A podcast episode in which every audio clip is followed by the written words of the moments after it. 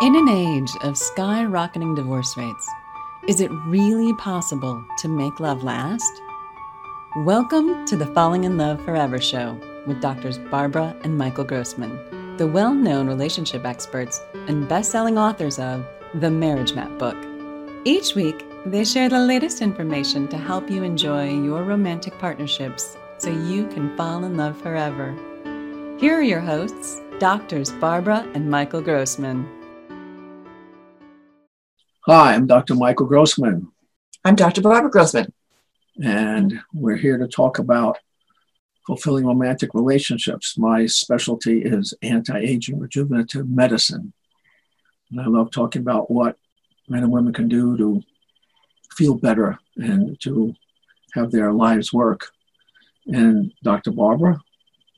I see individuals and families and marriages uh, help grow them and solve they and along the way they solve their problems and open up to greater horizons together of joy and connection.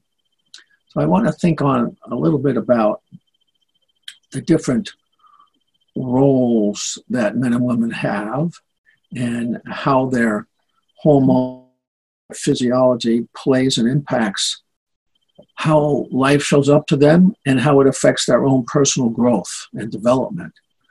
So I want to think about that men and women are different from birth. So when uh, you have little babies, six month old babies, if they're a boy baby, they love to look at moving objects and they're really into motion and movement. And the girl babies are really into faces. They really focus on faces. And that's something that comes out of the physiology of the brain because men have over 10 times the amount of testosterone that women have, and women have over 10 times the estrogen that men have. And this affects the brain. So the brain of women and men are different. We know that we can study PET scans and, uh, and, and other scans of the brain, and we can tell that a man's brain is very focused on one thing, on one thing, on one thing, and a woman's brain is focused on everything all around them. And that would make sense in terms of evolution and survival that you have the men were hunting elephants and lions and bears and so on, and they had to focus on that animal, and they couldn't think about the last upset. They worry about this or that. They had to focus on that situation so that they could bring home the animal, and then their family could survive with food. Whereas a woman, she was responsible for taking care of the kids, picking the berries, watching out for the weather, watching out for funny animals that come by, or other other other um, other tribes that were unfriendly. And she had to take care of that and deal with all the kids and all the activities. So her brain is so structured that it really is able to take on many different things at once and and be able to do that. And in general, that's the difference between a man's brain and a woman's brain. And we just know that's the case. You know, a man comes home from work, and he wants to sit down and relax. Because now his brain can shut off and he just wants to watch the television and put the clicker on and watch one channel, one channel, one channel. Whereas a woman, she comes home, she says, Oh my God, look at all these things have to be done. And the guy is, he doesn't care all that stuff around. He's just focused on that TV station. That's it and and he doesn't know what's going on. Whereas the woman she sees all the stuff going on and she's very very much into making sure that everything is taken care of. And that's a general kind of a brain structure difference between man and woman.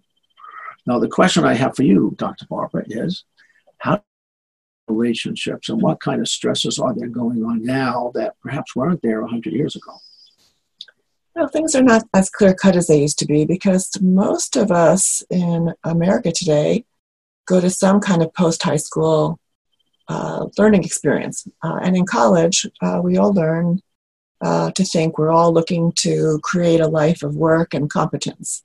And so, um, uh, men, young men and women both develop their thinking function. If, um, if after college you go on to um, uh, develop and concretize a, your vocational goals and, and develop really um, a specialty or develop a um, uh, uh, competency skills that um, gives you some amount of leadership or decision making or responsibility for others, uh, your development, uh, whether you're male or female, uh, becomes very masculine. You learn to think and problem solve and strategize, and you learn that feelings is not how you lead. You lead with your thinking and you think first before you speak. And you become very rational and responsible, and, um, and that's all great. Um, of what you what most young people do. Um, if you learn, even if you don't go to college and you learn a um, technical skill, uh, or you're an entrepreneur, you still have to um, manage competencies that uh, that cause you to be responsible and um, and skillful. And so you have to think before you speak, and you have to organize your work. And so uh, an adult function, um, the adult function of work, really develops thinking. If you happen to stay home and decide to have children, because uh, caretaking is a uh, function that involves a lot of compassion and caretaking, um, your development is inclined to go on the feeling edge of things. Uh, and while it's a fabulous division of labor, it's also often a very difficult challenge for, for couples where the man is very uh, developed in his thinking and the woman is very developed in her feeling. Could also be the reverse, where a man stays home. It would be the same thing. A man would be developed in connection and feeling and organization, but not so much in strategizing in, in a complex set of problems. And so, um, having children, uh, building a family, uh, sadly, uh, is a, a, challenge for couples. And eventually, um, the, um, the disparity of development causes friction in a partnership.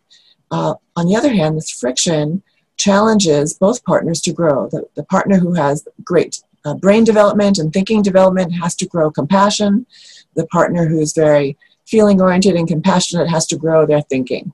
And this way, a relationship, if you are understanding the meaning of uh, the disappointment and uh, disconnection of this stage of your life, you can you can see how I'm describing it intellectually, but you can see how it will force a couple to develop so that they meet in a in a um, in a in a connection that's rich with both feelings and thinking, where the, each partner can um, openly share the depths of their feelings and their desires, their vision for their life, and what they want, and they meet and recreate their relationship on a much richer level. And so uh, this is inevitable, and it, it looks like a tragedy, but it really is a door and opportunity for great things. Let me clarify. So you're saying you're describing that if the man is out at work and doing his career and the woman is staying home with the kids, there's going to be a disconnect at a certain point because the man has ways and the woman may not have gone those ways. And that puts pressure on the relationship. Yes. And if they both are into the career, it also ultimately puts pr- pressure on, on, on the relationship even though they're both growing. Yes, yeah. The pressure is that um, you have two uh, individuals who are very developed in thinking and strategizing, but that connection to feelings is really lost in the world of work. Feelings don't belong in work, uh, and so um, the couple uh, will um, there'll be a there, will be such a, um, uh, a a mental heady kind of you know connection without the richness of feelings, that the relationship will feel flat and and um, disappointing. It'll be more like friendship. It'll feel like more like you're um, problem solving together and not sharing richly, and passion will be a lot less. So, what we're teaching in our classes, in our Falling in Love Forever classes, we're teaching skills. And the skills allow the couple to grow in their feelings and to grow in their thinking. It presses them in both ways because we have specific exercises that that make you look at how are you doing relationship, and so they, they set of skills to learn, which which require both develop feelings and thinking, and that's what couples need after they've been married some time. You're going from your 30s into your 40s you're going to need these skills. Yes, and what, what I mean by feeling, I mean reflective feeling, uh, really deep uh, self-understanding, sharing from from one's you know greater perception of oneself and your experiences in life, where you really bring a, a depth of, of uh, person personality that is much richer. Um, it's not just um, uh, impulsive feeling. It's it's really sharing from from really the soul. Uh, this creates a, a great um, connection, and together the partnership is thoroughly enriched, and um, it's a great platform to um, to grow your family and to um, grow your life together as partners. So it's important at some point in your growing development, going in from your 30s into your 40s or somewhere like that, you need to grow and be able to recognize that you have a relationship, but you're not the relationship. It's something you have, and you have to work on it, you have to mold it, you have to make it more solid. But you only can do it when you can step outside of it and you have skills that you're going to then bring into that relationship.